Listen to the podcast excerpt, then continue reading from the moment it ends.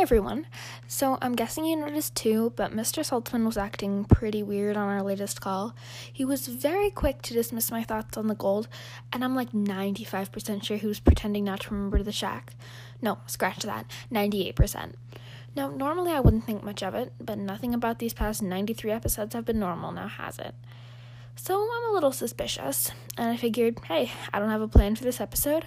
Why don't I just call some more numbers from the map I found in the pit and just get some, let's say, verifications that Mr. Saltsman is trustworthy?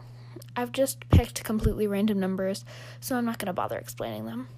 Let's call the first one. Hmm.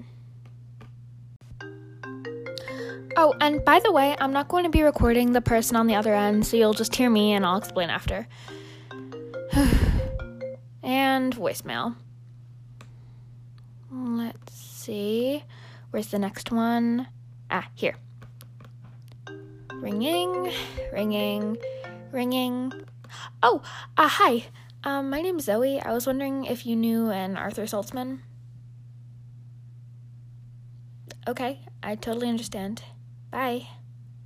Okay, listeners, that was weird. She said, and I quote, I'm sorry, I left that behind. I don't want to talk about it.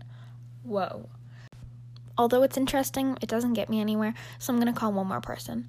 I'm tired though, so it's going to be quick.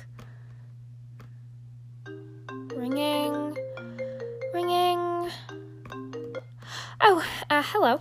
I was wondering if I could speak to you about someone named Arthur Saltsman. Mm hmm. Okay, great. Um, how do I put this? Is he involved with a secret society called the Aces? Uh, huh? What do you mean he was? Whoa. Whoa. Oh my, oh my goodness. Do you know why? Oh, wow. I mean, that's all I need to know, but thank you. That's very helpful. Oh my God, listeners.